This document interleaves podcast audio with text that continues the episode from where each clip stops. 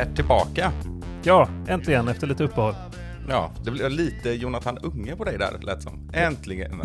alltså, ja, han kan ha lustiga betoningar ibland faktiskt. Mm, blandning av dialekter. Ja, han är lustig i största allmänhet. Ja, Det är inte för inte att man blir utsedd till Sveriges roligaste man. nej just det. På tal om roligt. Mm. Det har ju varit mycket roliga discgolfhändelser det senaste som vi har missat nu när vi var borta ett tag. Mm. Eh, inte minst, vi måste väl nästan börja där.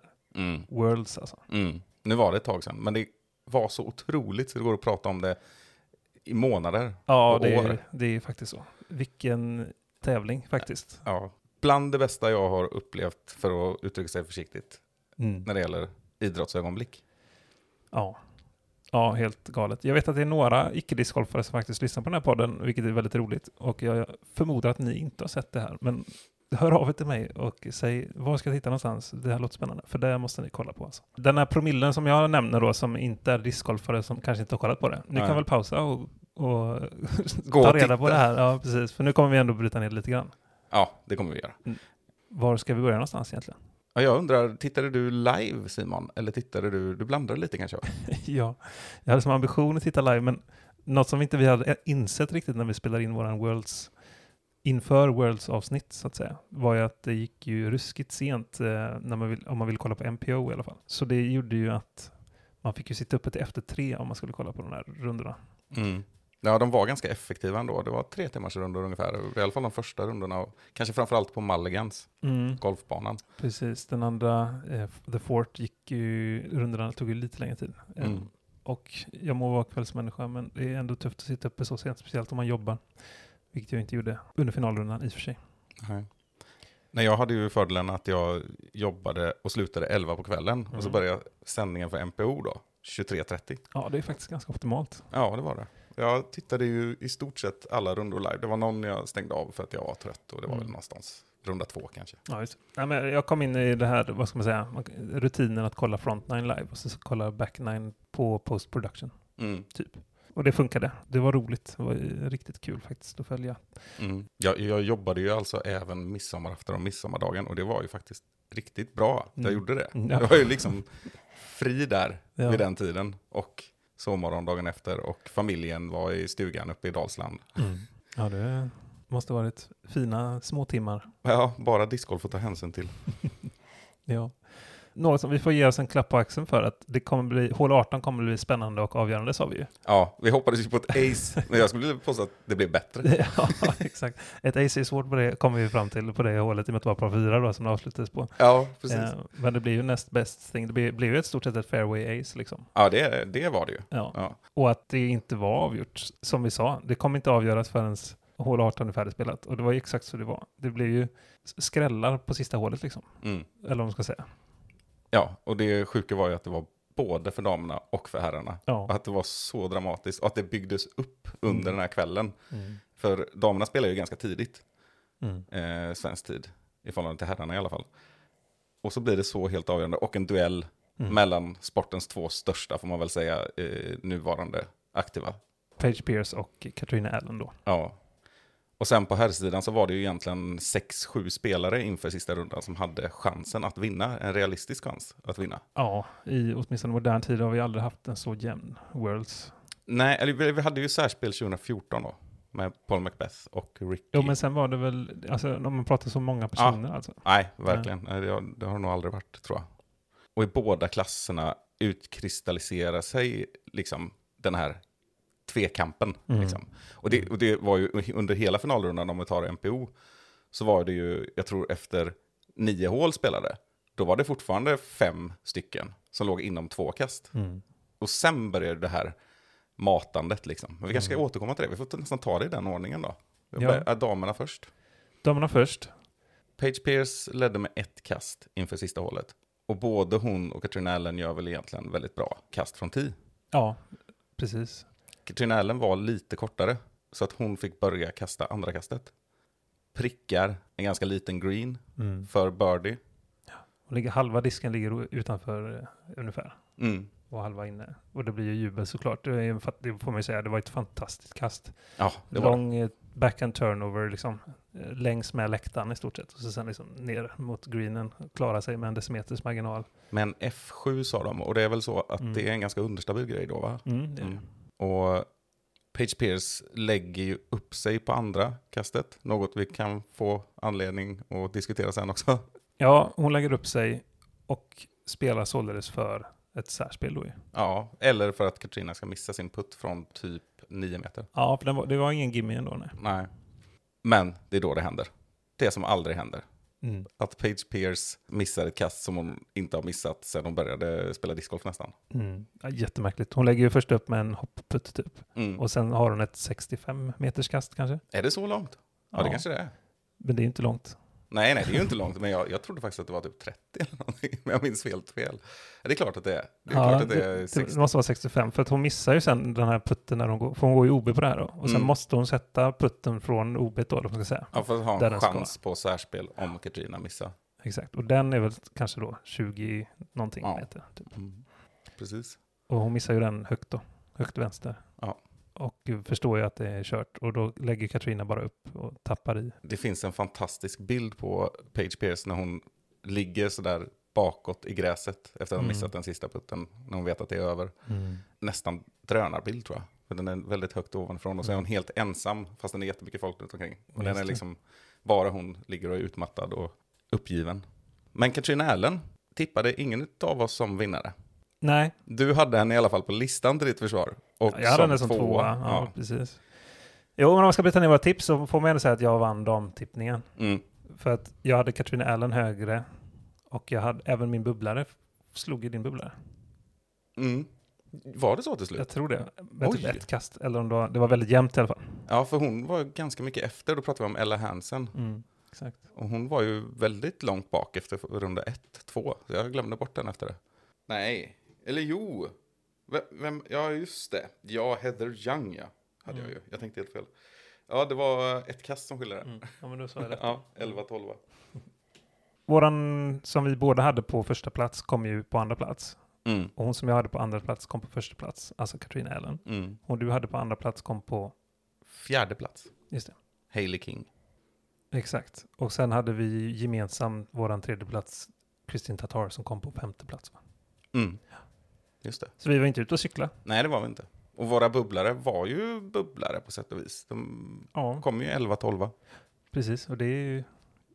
Ja, jag tyckte det var ganska bra jobbat av oss. ändå. Ja, nej, men helt okej. Men, men jag får ju underkänt eftersom jag inte hade med Katrina Allen alls. Sant. Och det är ju konstigt på många sätt. inte bara, det är inte bara med facit i hand liksom. Nej, nej. Så är det. Ehm, men det var min känsla sa det. Och då Mm. gick jag på den. Sen eh, hade vi ju inte med, ska vi gå in på MPO där, vi hade ju inte heller med James Conrad, någon av oss. Nej, det hade vi inte. Vi nämnde honom snabbt tror jag. Mm. Men eh, det tycker jag inte är så konstigt ändå, att vi inte hade det. Nej, det är ingen skrällskräll, men det är en semiskräll. Han är ju känt jätteduktig, han har vunnit USCDC, men inför, han har inte gjort en jättebra säsong och han har nya diskar och så vidare. Och att gå och vinna i år var väldigt imponerande. Ja, och vi båda valde ju Calvin Heimberg och jag var väl lite mer så här tveksam till att kanske skulle haft med Eagle där. Men valde ju Heimberg. Och det var ju verkligen rätt av oss ändå. Ja, han var ju med och han gjorde fyra bra runder och en dålig runda liksom. Ja, för även om han kom 11, tror jag, så... Ja, han ledde ju inför sista rundan. Mm. Och det var ju han och Emerson Keith som var liksom i pole position efter alla de fyra första rundorna, va? Ja. Jag tror inte någon annan var i ledningen. Macbeth ledde ju inför sista rundan ju. ja, med ett kast. Så var det.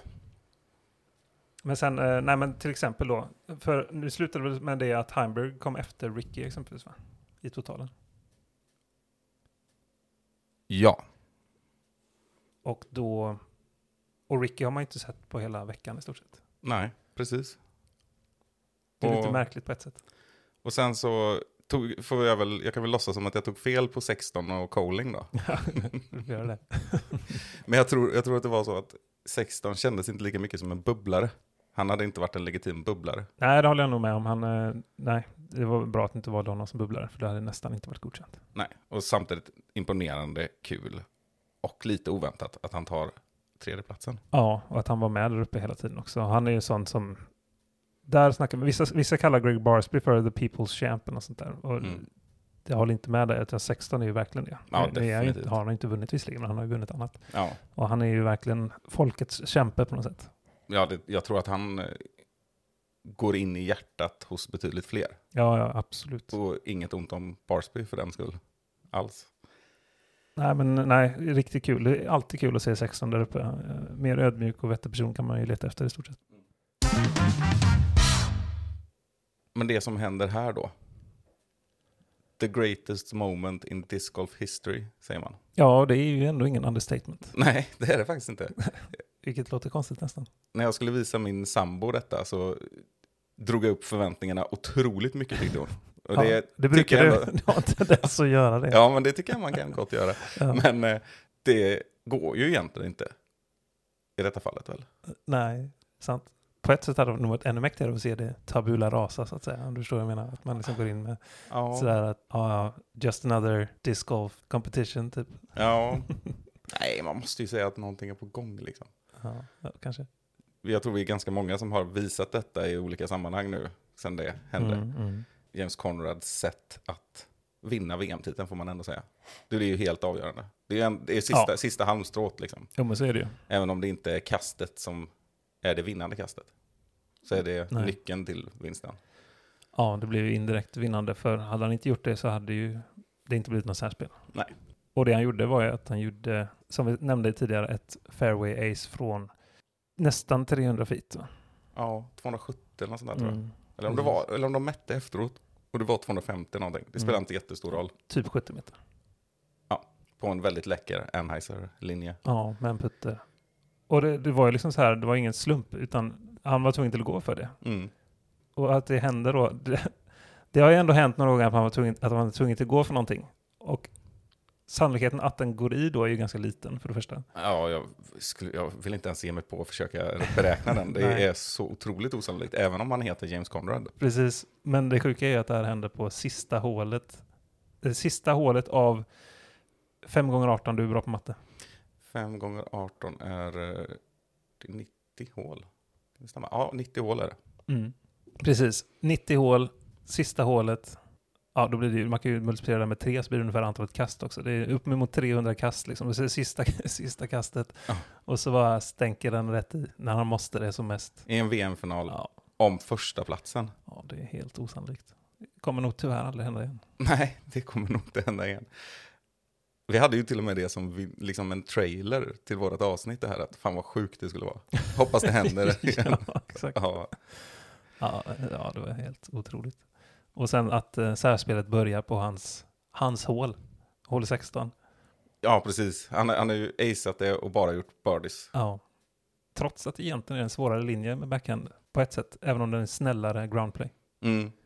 Och det var ju det som sket sig för Macbeth. Han körde den enklare linjen, där det inte är några träd i vägen, Mm. ish, med en stabil forehand på vänstersidan. Som ju då blir lite mer random när den tar i backen. Ja, för han sätter ju typ kastet, men Mm. det är den risken man spelar med. Precis, så att även om det är så här, ja, det är lite oturligt att den går i vattnet, men det är ändå den risken han, han får ta när han gör det kastet. Ja, Mm. och jag kan ju inte låta bli, jag, jag kan inte låta bli att ändå tycka ganska synd om Macbeth.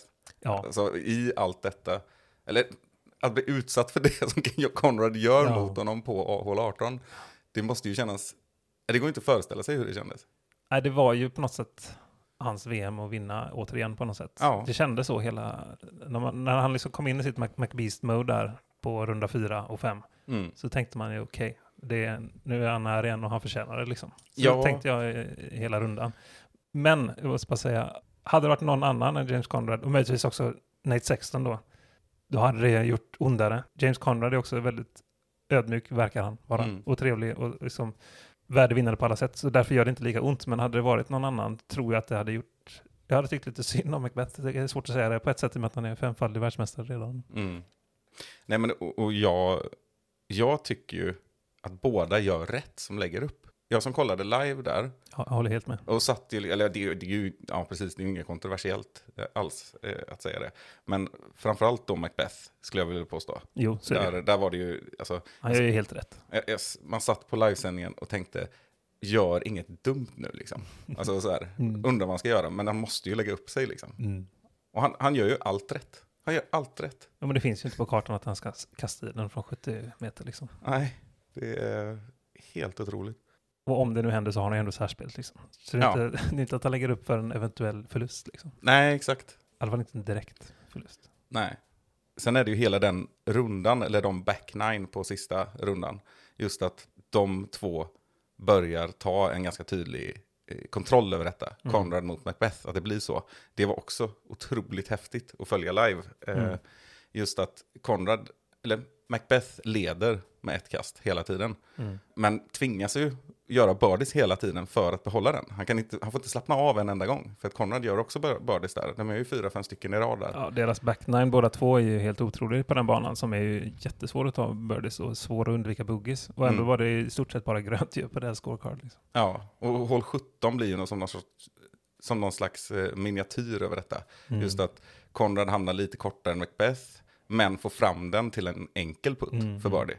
Macbeth ligger längre fram, men får stå lite konstigt. Mm.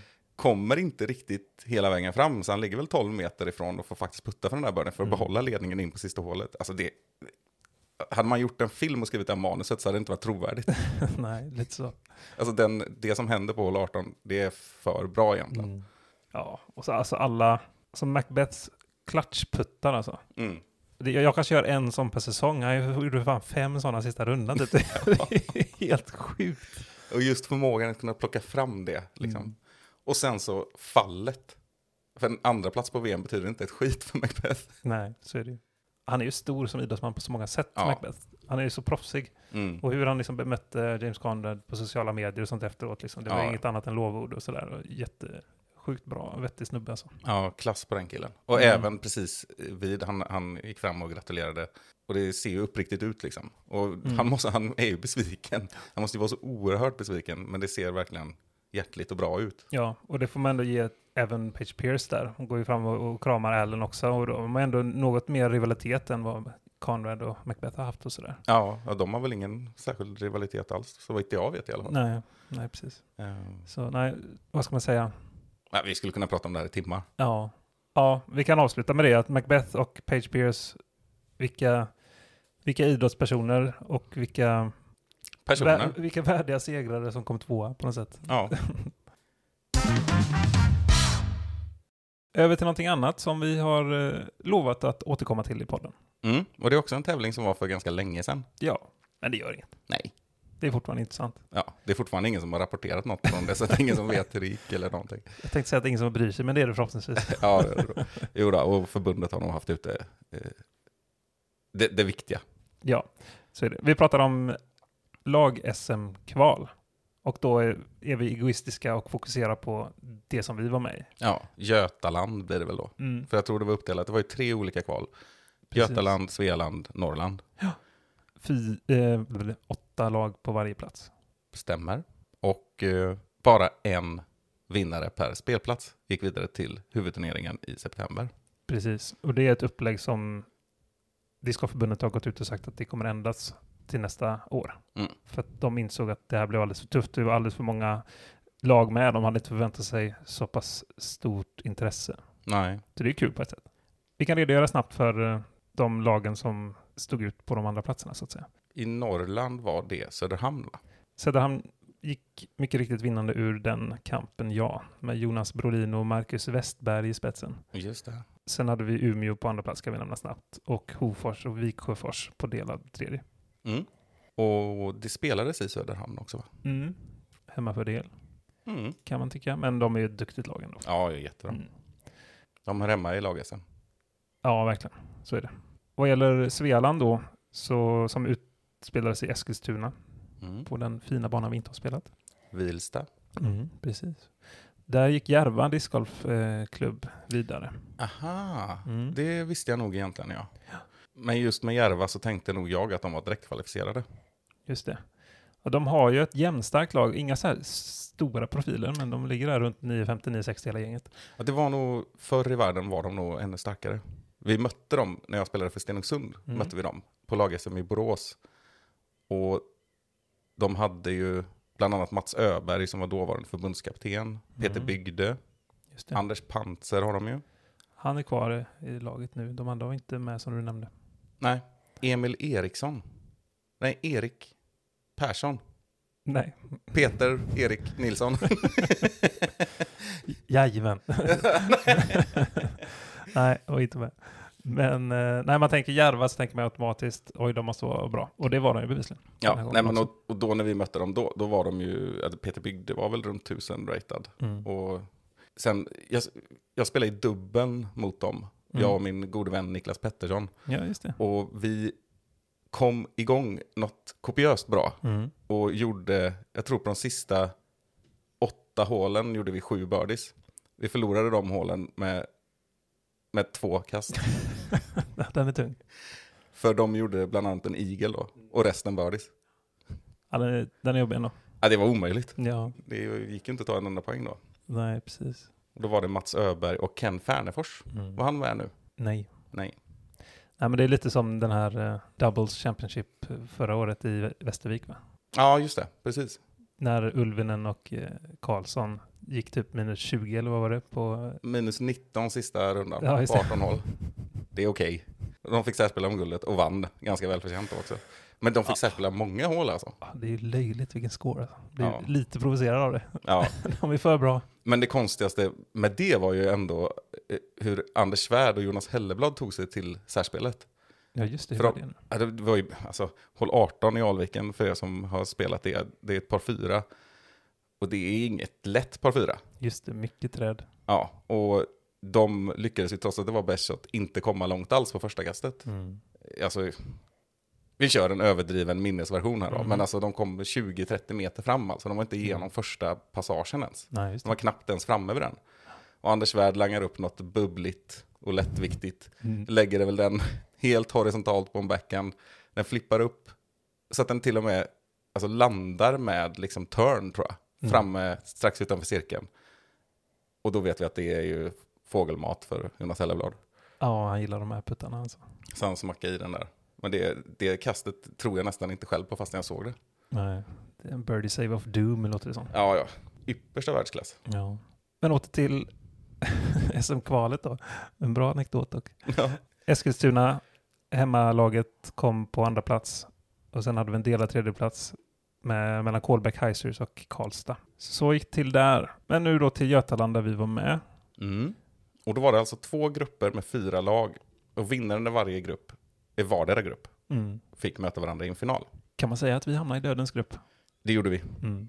Inget ont om eh, lagen i grupp B. Nej. Men det var väl ganska uppenbart. Särskilt kanske med tanke på att vi var lite så här dark horse. Ja, jag tror att de flesta nog räknade att vi skulle komma sist i vår grupp faktiskt. Ja, Nästan i alla fall. ja, det tror jag. De vi hade med var ju då alltså Lufs, ett Linköping-gäng med tre stycken Kappling i laget. Och det räcker ju egentligen med att säga att det är ett starkt lag. Mm.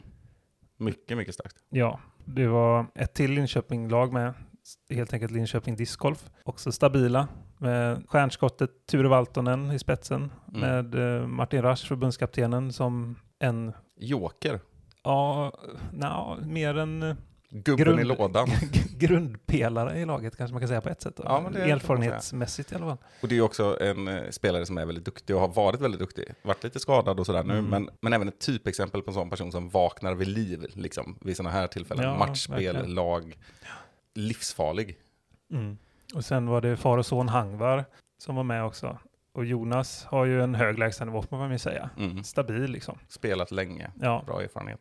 Och eh, Stig har ju blivit lite äldre nu. Han har ju spelat i junior länge, det gör han ju fortfarande i och för sig. Men han, eh, Han är äldre nu än vad han var häromåret. ja det är sjukt men så är det. Mm. Och han eh, kastar längre än mig nu, det gjorde han inte för något år sedan. Nej, han har, tillhör den där gruppen av unga spelare med en rejäl bössa. Ja, så är det. Så de eh, skojar man inte heller bort. Och sen var det ju inte minst då Västervik som vi hade med i vår grupp. Mm. Det var ju den stora skrällen egentligen, att de inte var direkt kvalificerade. Nej, verkligen så. De spelade alltså match om 13 plats förra året mot Mm. Onsala dessutom, Just det. vilket är helt osannolikt. Eh, nej, så, och där har vi ju då 3000 ratade spelare. Mm. Det säger allt. Jonas Elleblad, Anders Svärd, Pontus Felin. Och sen duktig Erik Gustafsson med och även en som heter Jonas Engstrand. Mm. Och eh, vi tar väl det här lite kort genom våra ögon. Vi började ju med att möta Lufs Mm. och samtliga tre Kappling spelade den matchen. Plus eh, Jonathan Brantberg. Sen ska vi nämna också att eh, Thomas Palmer och Edvin Almqvist var med i laget också, men de spelade inte just när vi spelade.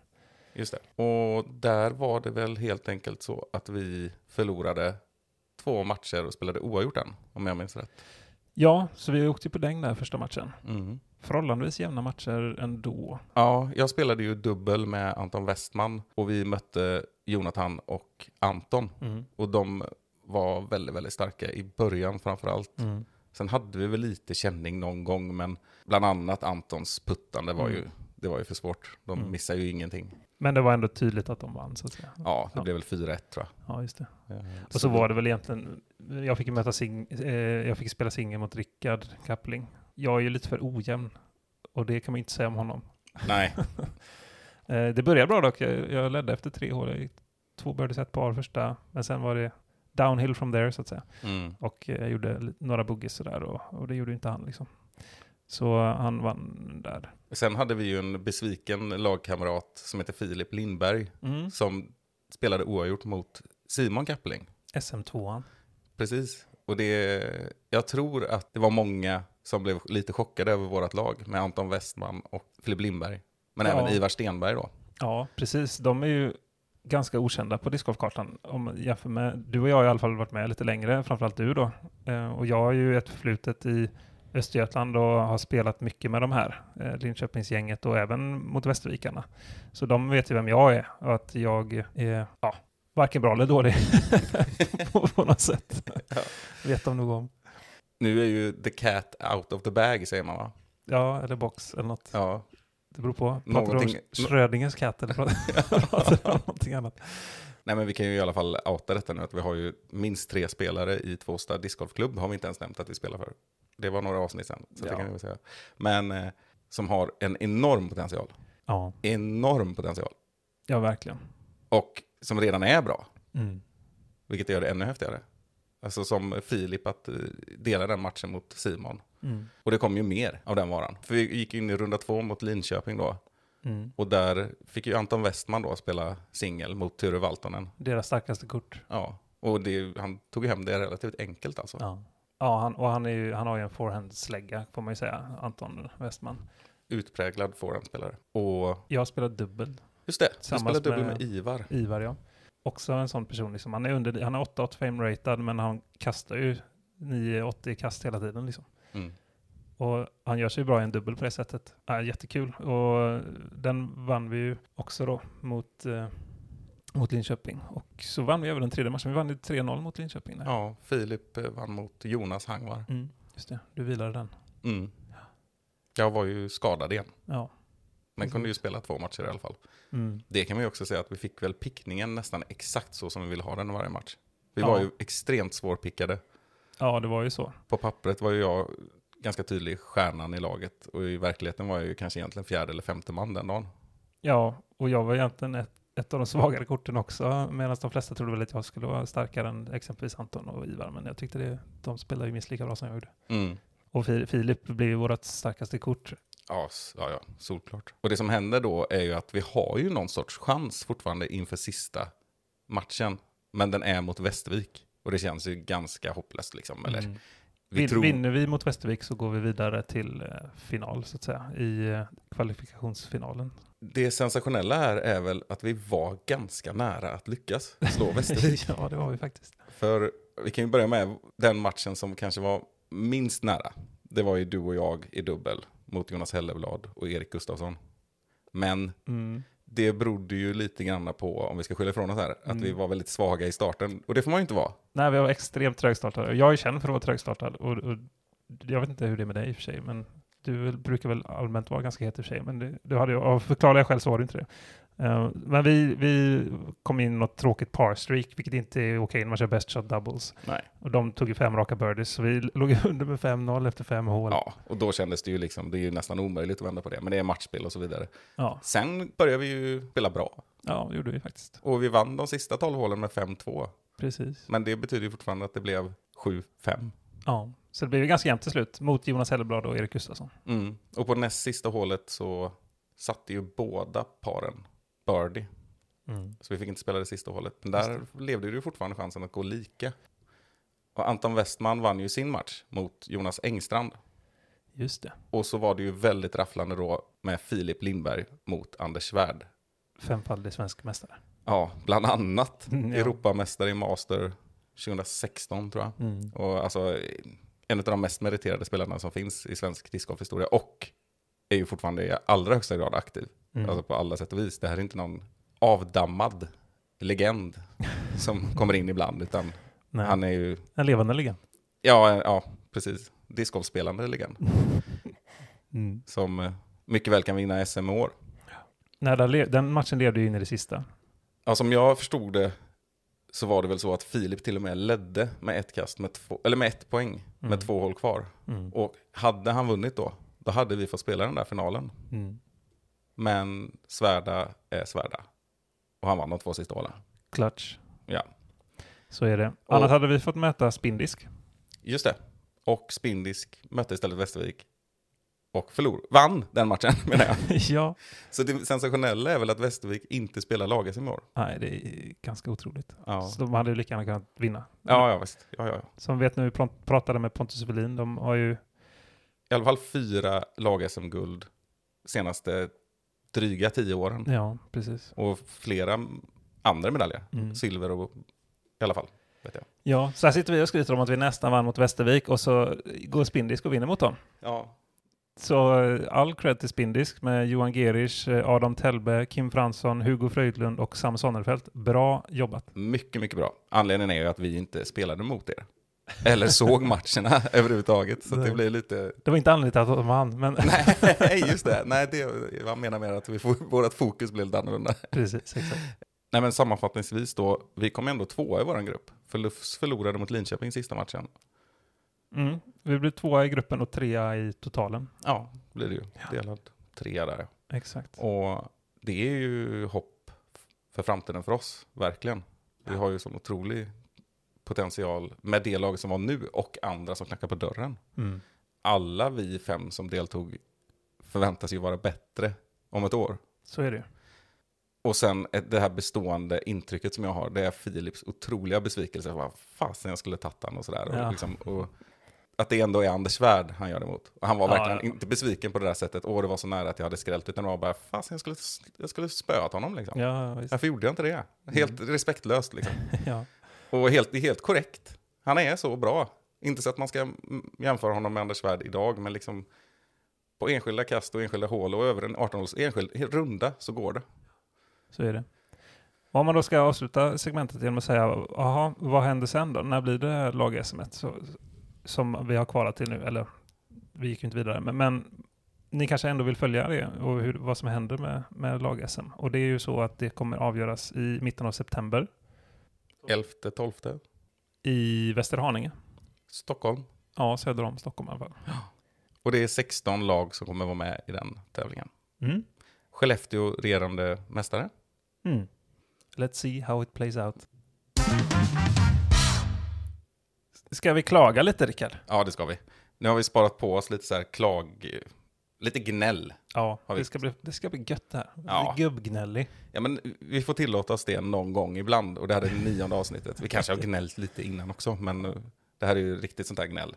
Mm. Det, vi skulle kunna haft en, nästan som segment att vi Mm. rasar eller ryter ifrån eller slår näven i bordet eller så. Nej, Mm. så, så dramatiskt är det ju inte. Table flip. Ja. Det är några saker som vi har varit inne på förut i alla fall, lite kort i olika Mm. sammanhang. Bland annat med bandesigner och sådär också. Mm. Och vi pratar ju en del om sånt här såklart utanför podden. Mm. Och i detta fallet är det till exempel lite aktuellt kanske med storlek på tior på utkasten. Mm. Ja, som sagt, vi har nämnt det lite. Och det är återkommande problem, får man väl säga då. Mm. Och det är för mig ganska märkligt att det problemet uppstår. Jag är ju då av åsikten att en tid ska vara ganska väl tilltagen. Ja. Det finns ingen för stor tid, men det finns för små tid. Ja, precis. Och jag är också lite förvånad över att efter att Ale kom med sina väldigt karaktäristiska tior så trodde jag att det var, skulle sätta en ny standard på något sätt. Mm. Konformade kan man väl säga. Ja, som ändå styr en mot liksom en begränsad yta där man måste kasta ut i, på bredden liksom. Precis. En, en sån formad, alltså triangulärt formad tee, där spetsen är mot korgen, där kan du ju du ges utrymme för en annan typ av infallsvinkel till kastet, vilket du inte får möjlighet till på en vanlig rektangulär smal tee åtminstone. Och det gör inte skillnad på om du är lefty eller righty exempelvis. Och sådär. Och det, det, det är jättebra. Sen kan det, finns det vissa där diskutera med de, de tiden också. Vissa tycker inte om den här plankan som är liksom i, Mm. i fronten där. Om man liksom vrider upp foten så kan foten fastna om man är för nära inpå. Det kan generera skador och sånt där. Det Mm. finns nackdelar med det också såklart. Men, ehm, Och sen ju, var ju Ales 10 dessutom för det mesta nedsänkta i marken. Så de behövde ju inte vara så himla långa. nej. Utan de var ju tillräckligt långa. Men man kunde ju ta ytterligare steg då bakom Mm. om man behövde det. Nej, men, och poängen är väl egentligen att det återkommande sägs att ja, men det är lika för alla. När man försöker försvara dåliga tior i min värld. Ja, Och det är det ju inte. Därför att det blir mycket mer begränsande för många. Ja, vi kan ju, ett utmärkt exempel är vår nya världsmästare James Conrad. Han är, vissa, kan- vissa kan tycka att det är överdrivet att han har sån extremt lång ansats, så att säga. Så han behöver större tider. Men man kan ta andra exempel också som inte är så extrema som, som honom. Där man ska liksom inte behöva ta ett kliv upp för en trappa blir det ju i stort sett. Mm. Liksom man ska gå upp på en, en tio, med ett högt fotsteg liksom, under en ansats och tänka på det. Man ska liksom, en bra tee som man brukar säga med fotbollsdomare, en bra domare tänker man inte på. Exakt Och så. det är samma med tio. En bra tid tänker liksom inte, du behöver inte tänka på den när du ska kasta. Du ska Nej. bara fokusera på ditt kast och inte vad du sätter eh, fötterna, eh, förutom då att du ska hålla dig inom avgränsningen till där tiden slutar, på samma sätt som man ska hå- hålla foten vid en mini. Liksom, sådär. Men inte mer än så, du ska inte behöva tänka på att oj, om jag snubblar här så bryter jag lårbenshalsen. Nej, precis. Och det är ju ofta ett problem. Alltså, är den för kort så måste man också försöka trampa av tidigt. Förstår du vad jag menar? Mm. Alltså, och är det en avsats framför tio, då vill jag ju kanske i alla fall ha en meter åtminstone. Ja. Där jag sätter sista foten för att jag ska kunna trampa över. Liksom. Mm. Och då måste den ju vara tillräckligt långt bakåt. Och, alltså, kan man gräva ner dem så är det ju suveränt. Och det här går ju inte på alla ställen. Det finns ju begränsningar i miljön Mm. ibland. Men visst, men då är det väl kanske på ett hål då. Eller så man kanske till och med fundera på att designa om det hålet då. Mm. För att det inte funkar. Nej, för det finns ju flera aspekter. Det är ju inte bara att det ska kännas bra för kastaren och att man ska få de bästa förutsättningarna för att göra ett bra kast, även om det är tillräckligt. Utan det är även en skaderiskaspekt i det här. Mm. En ganska stor sån också. Mm. Jag har sett flera stycken. eh, Exempelvis min kompis Niklas Johansson vill jag minnas för något år sedan i Stenungsund på en av tiderna där. Där det är, de har ju tyvärr fortfarande en del korta upphöjda tider. Och, och där är ett exempel, det här var den äldre då, så den var ännu kortare den tiden. Eh, Men då, då, det blev så att hans sista avstegsfot missade tidbädden. Och han sätter ner och liksom översträcker knät åt fel håll. Och, liksom. och jag menar, det kan ju, man kan ju bli skadad for life för en sån sak. Ja, och resultatet av detta blir ju att man oftast går och får titta lite ner. Liksom. För att är en T-pad inte tillräckligt bred, då måste du på något sätt mentalt registrera vart kanterna är Mm. i alla fall. Och det känns som att man ska inte behöva göra det. Inte så ofta som man behöver göra det på många banor. Nej, precis. Och som du säger också, jag har ju inte den längsta ansatsen i världen, men jag behöver ändå lite, lite plats. Mm. Och jag kommer också diagonalt från höger. Och då är det svårt på vissa banor. För att jag måste ta det där steget upp som du säger när det är upphöjda tis. Istället då, ja men då, det är inte som att de behöver vara tre meter breda liksom. Nej. Men när de är en och en halv, då är det för lite. Och två är på gränsen. Mm. Ja, jag, jag har sagt det tidigare och jag tror vi har kanske nämnt det innan också, men att, att för mig är ett, ett absolut minimum två gånger fyra meter när du har en upphöjd tid. Ja, definitivt när den är upphöjd. Och då, då är det, i min bok är det, för mig är det tillräckligt då, men man, den får gärna vara större liksom. Ja, visst. Och det är där jag tror att många inte tänker efter när de designar en bana och ska göra utkast. Det är ju att skillnaden i kostnad och arbete måste ju vara marginell för att lägga på den där metern. Det kan ju inte vara där liksom det projektet går. Fallerar, så att Nej, precis. Nej, när man ändå bygger nya tior, så varför inte ta till liksom någon extra meter åt varje håll? Ja. Eller om inte man har den, av någon anledning inte har tillräckligt med konstgräs eller tillräckligt med virke, då får man nästan ta och gräva ner det faktiskt. Mm. Och där, det kan man ju också tydliggöra att man kanske inte behöver ta till extra stora dimensioner på alla hål, men, ha, hål, men har du ett 130 meters par 3, då, då vill du ha en större tee än om du har ett 60 meters par 3. Liksom. Mm. Och, Ja, det, visst. och där tycker jag också man ser det alldeles för ofta, att, att tiorna är stöpta i samma form oavsett vad det är för typ av hål. Jag har i alla fall aldrig sprungit på en tee som är för stor. Jag har aldrig någonsin haft det problemet eller tänkt Nej. det här var dumt gjort. Alltså, bygg på för fan. Ja, ja visst. Man kan ta ett, ett lustigt exempel är ju A6 i Jönköping. Ja, just det. Där man på hål 13 kommer fram till en enorm tee.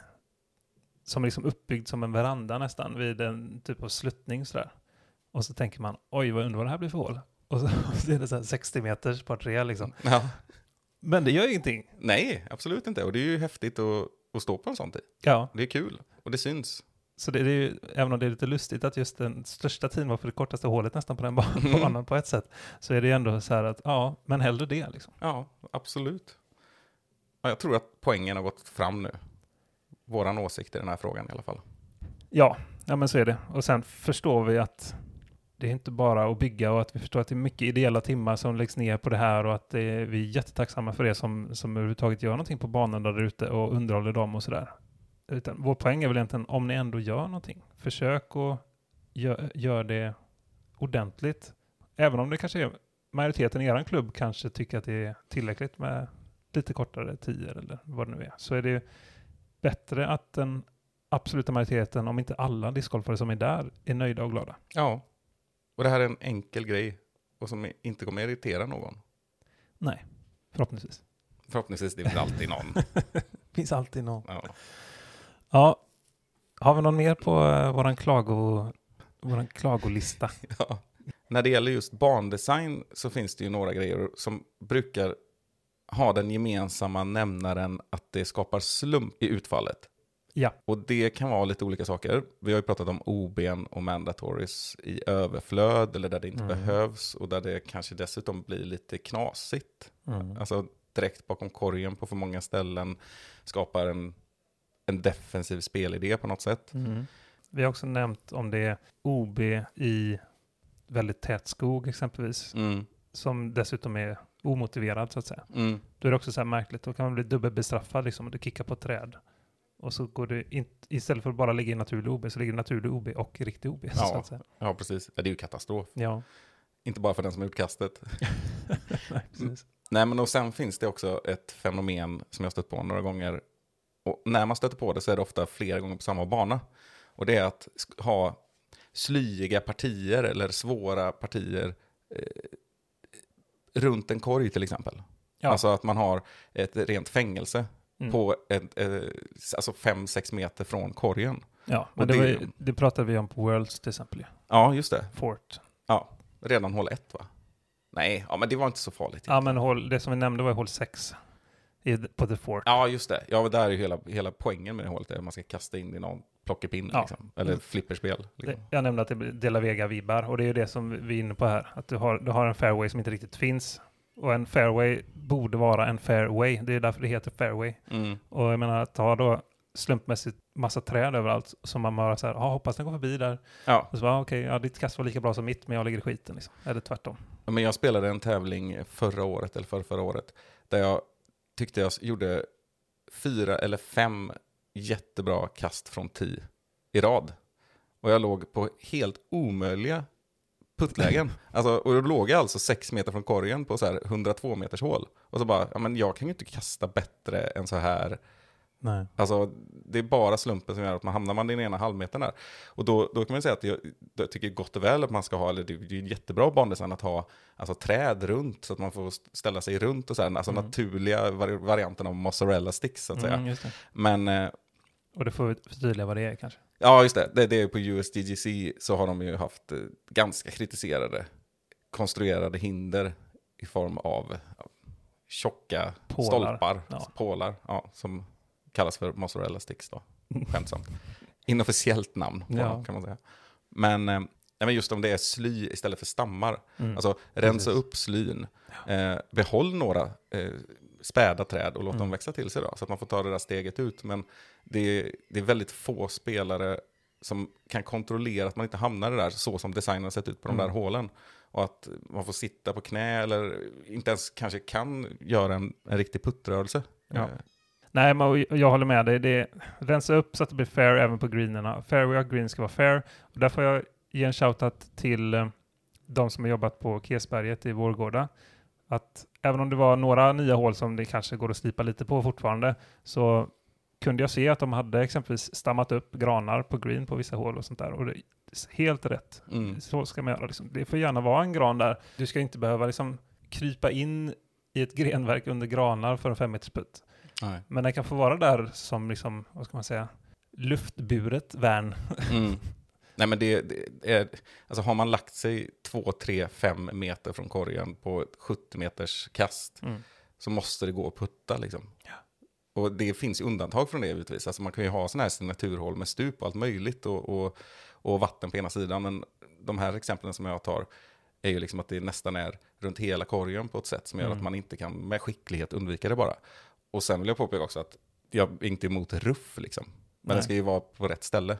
Nej, men jag tror vi har fått vår eh, poäng igenom här att det här med de slumpmässiga sakerna ska minimeras. Liksom. Mm. Och det kan ju också vara någon gren och något träd som man inte så här riktigt kan undvika helt kontrollerat. Mm. Som kan ställa till det liksom. För det, det känns som ett återkommande problem när man är ute, framförallt på nya banor, eh, sådär att man ställer sig på 10 och så tänker man, jaha, där är ett träd mitt i den perfekta linjen. Mm. Det, det, jag, förstår det inte riktigt. Nej, jag brukar nog tänka, ja det är en ny bana, det där kommer försvinna. Mm. Oftast gör det ju det. Ja.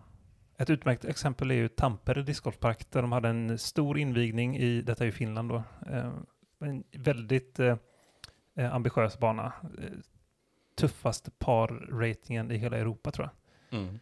Och under den här pampiga invigningen då så hade de bjudit in spelare som exempelvis Nate Sexton från USA då och, och sådär. Och han var ju även commentary för, för det här ståhejet på YouTube efteråt. Och då var det ju en sån där jättetajt korridor, så hade de lämnat en björk mitt i luckan där. Och då nämnde han ju det att jättebra bana, jättebra jobbat, men ta bort det där trädet. Mm. Och mycket riktigt försvinner ju det. Mm. Sen har väl han mer genomslagskraft än vad vi har tyvärr. Men, Ja, det är nog så. Ja. men lyssna på Nate Sexton och således på oss när det kommer till den här frågan. För det, det är roligare att spela discgolf när man blir belönad för sina kast, när linjen sitter där den ska sitta. Liksom. Mm. Men som du påpekat redan Simon så har nog våra poänger gått fram här. Sen behöver ju inte alla hålla med om detta givetvis. Men vi får säkert anledning också att återkomma till äh, lite klagande. Att ha det som en punkt. Men vi vill ju gärna hålla det ganska positivt det här, den här podden såklart. Men det är ju viktiga poänger, eller det kan vara intressanta diskussioner också. Och det är Visst. viktigt. Ja, vi säger det av en anledning att vi vill att sporten ska bli ännu bättre och att vi alla ska tycka det är roligare att spela. Så det är ju med all välmening så att säga. Ja, självklart. Men vi går vidare till eh, nästa punkt och det blir väl den sista punkten på det här, i det här avsnittet. Så är det. För vi ska äntligen få Simons lista igen. Just det, long time no see. Sist så var det en lista med stora skrällar inom discgolfen. Ja. Och nu är det någonting helt annat. Det är nämligen min topp fem med bästa niohålsbanor jag har spelat i Sverige. Kul. Ja, det är en sån här, vad ska man säga, det är en, något som ofta blir ganska förbisett av många och inklusive mig själv. Att jag tänker alltid att ah, en riktig bana är en 18-hålsbana liksom. Och då är det mycket roligare att spela 18-hålsbanor. Och Mm. det är det ju till viss del kanske. Men det finns ändå några guldkorn där ute som jag har lyckats spela som jag vill passa på att lyfta här. Så ni som är ute och kör era discgolfresor, glöm inte bort niohålarna. De är faktiskt ganska roliga. Många. Det är också ganska bra bensträckare just när man är ute och kör. Precis. Det tar inte lika lång tid att köra och sådär. Sen ska man väl säga också att lägsta nivån på niohålare är lägre än 18-hålare oftast. Det finns Mm. ju en hel del riktigt kassa niohålare. Men den, den listan får vi ta en annan gång. Ja, och framförallt kassahål Ja, jo, på absolut. niohållare. Så är det. Men eh, ska vi köra, är det, är det fem? Fem stycken. Sa du ja. Sen har jag inte kunnat hålla mig så jag har några honorable mentions här också. ja, klart. Och då, ja, vad har du på plats fem? På plats fem har jag en bana långt norrut. Den kallas för Kärringbacken. Som ligger eh, på Frösön utanför vilken stad då? Storsjön. Östersund. Ja, precis. Där våran eh, kära klubbkamrat Simon Hansson bor nu. Mm. Mm. Och lever det ljuva livet. Ja, som fysioterapeut för Östersunds FK, heter de så? Precis, allsvenska fotbollslaget. Ja, det är lite coolt. Så honom kan ni hålla utkik efter vid matcherna, ja. om ni tittar på Östersund. Han kanske sitter där med en Discgolf-podden-t-shirt, för det är sån han har köpt. Ja, precis. Eh, side note. Det som är lite speciellt med den här kärringbacken då, att det är faktiskt bara fem korgar, Mhm, men nio utkast då. mhm. De har lyckats, det är lite imponerande faktiskt, för de har lyckats göra en ganska rolig, eller väldigt rolig bana, för trots att det liksom är ja, flera utkast i samma korg då, det är lite speciellt. Mm. Men eh, jag var där uppe och jobbade och sprang på den och körde eh, två runder tror jag. Eh, för att jag tyckte den var ganska skoj. Varierande och ändå relativt utmanande. Så har ni vägarna förbi där, testa den banan. Det finns ju tyvärr ingen 18-årare i Östersund just nu. Jag tror det är någon på gång dock. Men, men eh, ni får hålla till godo med de 9 som finns. Det finns ett gäng faktiskt. Men den här var den roligaste tyckte jag. Mm. Det är nog ganska långt till närmsta 18-hålsbana då. Mm, det måste det vara. Jag kan nämna att det är sådana, jag tror det är sådana Rantsov-korgar, heter de så? Är det samma som på Resta? Ja, Mm, det är det alltså. Eh, vilket är en äldre variant av korg, helt i metall, eh, alltså metallfärgad och så vidare då. Mm. Som är, är lite mindre kanske än de mer moderna korgarna, men de fångar ändå ganska bra. Ja, de, är, de har inget uppenbart fel i sig. Nej, i vissa fall kan det vara att det är en sån liten ögla i Mm. ovan delen av korgen, vilket frustrerande nog kan fånga några puttar. Och som jag har upptäckt att vissa tycker väldigt mycket om att, det, att korgar har sån. Och det kan jag inte förstå. Nej, det låter märkligt. Vad är poängen? Ja, nej, så får man inte tycka. Nej, återigen, nu klagar vi. ja. Den är på plats nummer fem. Och på plats nummer fyra har vi Mjölby Ja, i Östergötland. äntligen! Ja, jag vet att exempelvis eh, eh, våran banguru Andreas Karlsson tycker om den i Åland också. Mm, det är Bondebacka va? Nej, Nähä? den ligger i Motala. Ja, just det. Jag trodde du pratade om Motala nu. Nej, men Mjölby ligger alldeles i närheten. Ja. Mm. Därav östgötskan. Jag blir ju så förförd av den rösten. ja. Men detta är ju då en discgolf parkbana, alltså det här konceptet som Discmania ligger bakom. Ja. Där man liksom kan köpa in tjänsten att eh, helt och hållet anlägga eller få, delvis få hjälp att anlägga banor. Och inte minst då, niohålsbanor då, som i det här fallet. Eh, och då är det ju den typen av korgar som kallas för Discatcher, Mm. vilket är Innovas i grunden. Precis, det är ju samma. På de här korgarna kommer det stå Disc Golf Park Target, Mm. men det är samma som Discatcher. Exakt. Den här niohålsbanan anla- anlades 2015 men har gjorts om lite efter det. Jag tror de hade lite strul med att de råkade sätta några korgar på fornlämningar exempelvis. Oj, Eh, så kan det gå. Ja. Men, ajabaja. ja, jag bara, Men eh, då kan det väl vara så att det egentligen är, är det väl två designers som kan ligga bakom denna banan. ja, Det, du kan nog lista ut vilka det är. ja, det är väl antingen Lasse Jansson eller Tommy Bessner. Ja, det är Lasse Jansson i kombination med Martin Rasch i det här fallet. Ja, just det. Han är ju verksam i den trakten. Ja. Så de har eh, plockat om där. Det kan hända att det är någon mer som är med, men, men de vet i alla fall. Så den är också en sån trevlig, och den ligger ju ganska bra längs med liksom E4 om man vill stanna till och köra en sväng. Så gör det. Den kommer nog vara spelad innan sommaren är slut känner jag. Mm. Innan året är slut i alla fall. Ja, då har du god tid på dig. Innan livet är över. Precis. Då har du förhoppningsvis väldigt god tid på dig. ja. Och nummer tre på min lista är den som du alldeles nyss nämnde, nämligen Bondebacka i Motala. Aha. Mm. Så vi stannar kvar i Östergötland där. Den anlades lite tidigare, 2014 tror jag det var. Och korgarna där, jag tror det är Discatcher eller det något sånt här märkligt Amex Pro. Någon märklig variant. Men det som ser ut som Discatcher, så jag vet inte. Det står på discgolfbanor.se så står det Amex Pro. Jag vet inte riktigt vad det är. Det låter mer som ett, ett betalkort. Ja, verkligen. Platinum, Amex. Ja, jag får låta det vara osagt då. då. Men eh, där är det Tommy Bessner som har designat. Mm. Och eh, det är ganska varierande, både långa och korta hål. För det är en sån här grej att man tänker ofta att niohålsbanor är lika med korthålsbanor. Men så behöver det absolut inte vara. Nej. Det kan ju vara som en halv 18-hålsbana liksom. Och jag tänker att nybörjarvänligt inte alltid bara är korta hål heller. Nej. Det beror ju på fler faktorer. Ja, att det ska vara pedagogiskt upplagd, liksom. En bra skyltar och gärna en visuellt eh, placerad korg. Och det är ju viktigt i många aspekter. Det hade vi kunnat ta med på en klagolista där att försök inte att ha för mycket blinda korgar så att säga, som Mm. de inte ser från 10. Ibland är det ju oundvikligt, får man ju ändå säga. Mm. Men det finns ändå de, Framförallt på femmor och fyror och sånt där. Liksom. Mm. Eh, Men det finns ju ändå de där man tänker att aha, varför gömde ni den bakom den här dungen eller varför gömde, gömde ni den bakom den här kullen eller sådär. Mm. Eh, Nej, men det, det, det är en bra princip att ha, att man ska se den ytan man vill landa på. Eller som man, Åtminstone. Mm. ja. Det är också den här ja, faktorn som jag brukar säga ganska ofta. Man vill att man ska kunna high-fivea på 10 när man har gjort ett bra kast. Inte så här, var den bra? Vet inte. Nej. Och sen så tre minuter senare får man reda på, då är det Mm. lite avslaget. Det förhöjer upplevelsen. Nu följer vi tillbaka i ett annat eh, gamla segmentet där, men det gör ingenting. Så Bondebacka i Motala, jätterolig. Passa på att spela Fålagen också. Den är också en vacker bana som har blivit väldigt väl omhändertagen den senaste, med tanke på att det har varit tråkigt namnade ålders-S. Det skulle vi ju gnälla på. ja, det Men det, det behöver ju inte, det ska ju inte heta så. Det, det får vi ju säga. Till alla som tycker att det är konstigt så har de ju sagt det, det blev inte så bra denna gången. Eh, det kommer inte heta så i fortsättningen. För det låter ju verkligen som att man tävlar om att vara gammal. Ja, Eller, eller vad, vad låter det som egentligen? ja, det låter märkligt. i alla fall. Ja. Så kan det gå. Nummer två på min lista. Mm, det hettar till. Mm. Om jag säger Svennis, vad säger du då? Torsby, Torsby. Mycket riktigt. han är inte känd som någon dribbler. Nej. Nej, men han är ju känd för mycket fotbollsrelaterat den här Svennis, men han är också känd för att han är från Torsby i Värmland. Och det är nämligen så att det är en niohålsbana där då, självklart, som ligger pre- precis i samma liksom, område som den här Torsbytunneln, Mm. den där inomhusskidanläggningen där man kan åka längdskidor året runt. Det är det jag tänkte säga nämligen. Att det, Mm. De är kända för Svenny som skidtunnel.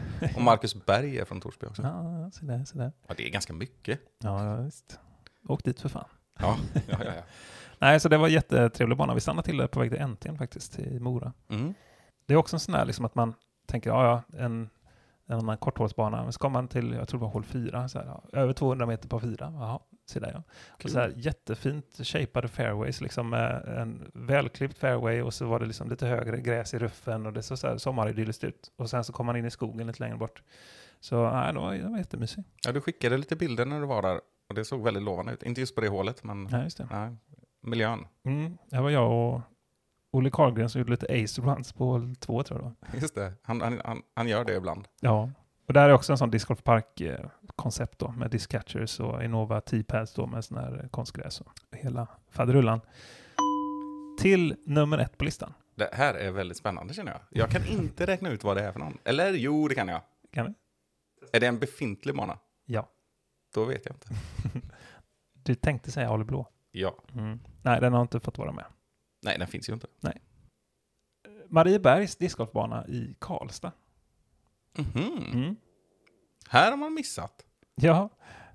Sen ska jag ju nämna att den här listan är extremt subjektiv. Eh, ja, ja. Så det kan ju hända att folk tycker att jag är helt tokig. Men jag har haft trevliga erfarenheter av den här de här banorna. Mm. Och eh, Mariebergs eh, discgolfbana i Karlstad var en av dem som jag blev så väldigt positivt överraskad av. Jag tänkte, ja, jag är ändå här, kan jag lira den. Ganska nyanlagd också, 2018. Återigen en sån discgolfpark-variant då. Det är Magnus Dunder och Ulf Bjureus som har designat. Mm. Den är gratis att spela som jag vill påstå att alla de här är. Ehm, men den ligger väldigt vackert belägen vid eh, Seminarieparken, tror jag det heter, inne i, där i Karlstad då. Centralt eller? Mm, väldigt centralt. Och här har vi ett exempel på en korthållsbana som är väldigt rolig att spela. Du har nog en snittlängd på 50 meter kanske. Oj. Men eh, jag tyckte det var väldigt, väldigt underhållande på något vis. Och det var liksom tekniska hål trots att de var, det var liksom inte, det var liksom inte öppna korta hål. Det är ju inte så roligt att spela utan det här var ju liksom, man fick ändå tänka till lite. Men den är helt klart värd att besöka i alla fall. Jag kan bara nämna snabbt vad de här eh, har för betyg på judisk, de här eh, banorna. Mm. Marieberg har 3,7, Mhm. Torsby har 3,5, Bondebacka har 4,2, Mjölby 3,9 och Kärringbacken i Frösön har 3,7. Ganska jämnt. Ja. Eller nej, ändå inte. Ja, men hyfsat. Ja. Alla ligger inom 0,5. 0,7. Mm. Ja, då är det inte så jämnt.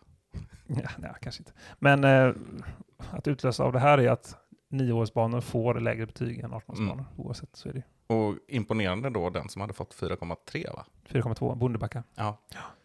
Ja. Kort, några honorable mentions. Får jag gissa en? Mm. Eller nej, jag ska inte gissa den. Men vi var ju och spelade i Åmål. Mm. Den kanske är en sån. Den är med på Honorable Mentions, ja. Ja, nej, för den kan jag förstå inte når hela vägen fram, men den hade ju väldigt potential. Mm. Och var var ju, mysig. det, vilket område, där ska det ju vara en 18-hålsbana egentligen. Ja, det såg ut som det åtminstone i vårt perspektiv att det fanns väldigt mycket plats kvar. Ja, nej men och jag har ju varit just i de skogarna och orienterat mycket, berättade jag Mm. för dig när vi var där. Men eh, då tänkte jag ju inte riktigt på discgolf. Nej, just det. Men det är en väldigt fin skog även för orientering. Ja. Så fick vi sagt det. ja. Så åk och orientera i Åmål om ni vill, då ska ni ta med diskarna. Precis. Den nya sporten. Ja, då finns det redan. Diskatlon. Ja. Nej men där var det väl några hål som man skulle vilja ändra lite granna på. Mm. Eller där det var kanske just det där trädet Mm. någonstans. Ja, men någonstans. typ sådär, ja. Precis. Men den var ju rolig. Mm. Ja, absolut. Eh, ja, och sen kort bara, banan som heter Åsasjön utanför Jönköping. Också mysig belägen vid en sjö då, som ni förstår. Tranås, också trevlig. Sollebrunn kan man nämna faktiskt, som är ganska så mysig niohålare i närheten av våra regioner. Ja, mellan Vänersborg och Alingsås. Mm. Precis. Och sen eh, positivt överras- överraskad av Kungsbackaskogen när man har spelat också. Men den har jag hört gott om. Ja, också så här. Ja. Mycket handlar nog om, om, eh, för min del i alla fall, jag vet att du jobbar inte med låga förväntningar. Nej, nej, nej. Men jag gillar ju det att man går in med äh, det är nog inte något att ha. Och sen bara, oh, det var ändå rätt nice. Så nu kommer ni alla som spelar de här banorna sen efter mina lovord kommer bli besvikna antagligen. Det är liksom två olika livsstilar. Att äh, gå runt med självbedrägeri och så här. eller att konstant höga förväntningar och ständigt besviken. Precis. Ja, det är lurigt. Men det är väl så här, det är en bra konstellation då. Det är lite good cup, bad cup på något sätt. ja. Ja, där har ni min eh, lista med lite honorable mentions i alla fall. Du blir bad cop då va? Ja, jag har just tänkt på det. Jag vet inte riktigt. Blir det så? Det Jag tror så. det. För jag är den där positiva i, i början. Ja, precis. Ja, jag gör den kortsiktiga bad cup, men den långsiktiga good cup då. kanske. ja, just det. Där har vi det. Det här ska bli så jädra kul och sånt. Det kommer att vara den bästa dagen i ditt liv. Så, ah, det kommer bli helt okej. Ja, exakt. Lite så. Skräcklan här i Vänersborg, det är inte en bubblare riktigt. Nej. Nej då. Den är ju mysig. Den, den, har ju, den är ju kommunalt anlagd kan vi ju nöja oss med att säga. Ja, Men- och med tanke på det är den faktiskt väldigt bra. Ja, men det är den ju. Och den, vi har också en väldigt bra dialog om att förbättra den, även om det börjar ta väldigt lång tid. Eh, lägga fler plattor och flytta de där två, tre metrarna i sidled och vad det kan vara för att den ska bli väldigt bra. Sen får man ju Mm. säga att den ligger ju helt otroligt fint belägen Mm. i Skräckleparken i Vänersborg. Det är ju inte det vackraste namnet, Nej. Skräcklandet, Nej, just det. men det är en desto vackrare park.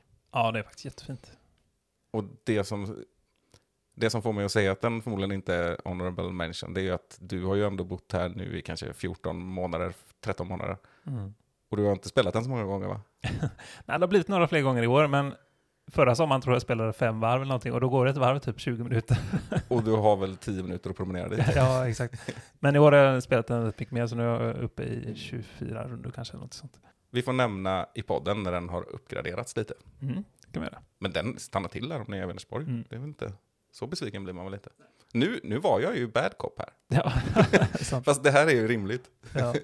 Ett hål är avstängt kan man säga. Ja, just nu. Mm. Håll fyra. Så det är en åttahålsbana. Och på tal om det, eh, jag, i min lista har jag ju verkligen bara med niohålsbanor. Så jag, det finns ju exempelvis några bra tolvhålsbanor och sånt där som inte blir med. Och tiohålare och sexhålare och allt möjligt finns det ju. Mm. Men eh, ja, som exempelvis Slottsskogen, blåa banan där, är jättefin tolvhålsbana. Och sen, ja den är jättebra. Mm. Sen den senaste veckan har jag sett jättemycket snack om Wendelsberg, det. Mölnlycke. Det- Då är vi ju mellan Borås och Göteborg kan man säga. Mm. Och Wendelsberg är väl en sån här folkhögskola vet jag. Mm. Det är det nog. Och mycket annat säkert. Och en discgolfbana då. Men den ska ju vara något utöver det vanliga. Ja, den är ju en av de högst ratade niohålsbanorna. Mm. Men den har jag inte hunnit med helt enkelt.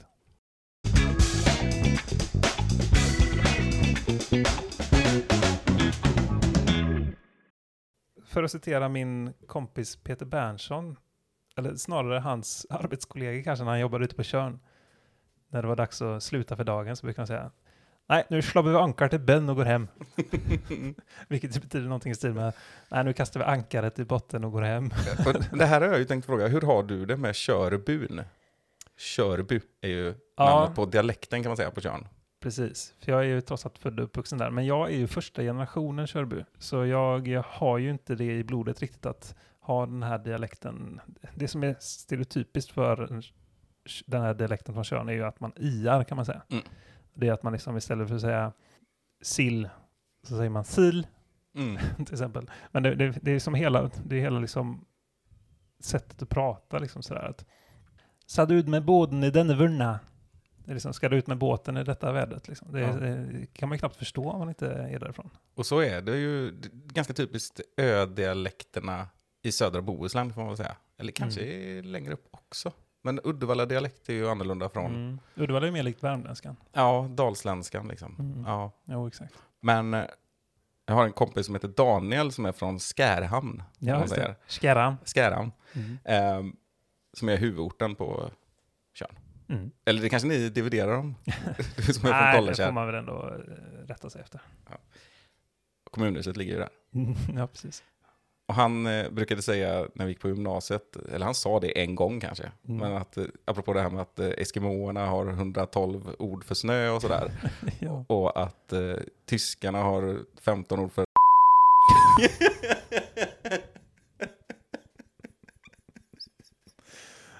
Älgar trodde jag skulle säga. ja, nej. Det där får vi bipa, Ja, det får bipet. Det där kan vi inte säga. Nej, det går inte.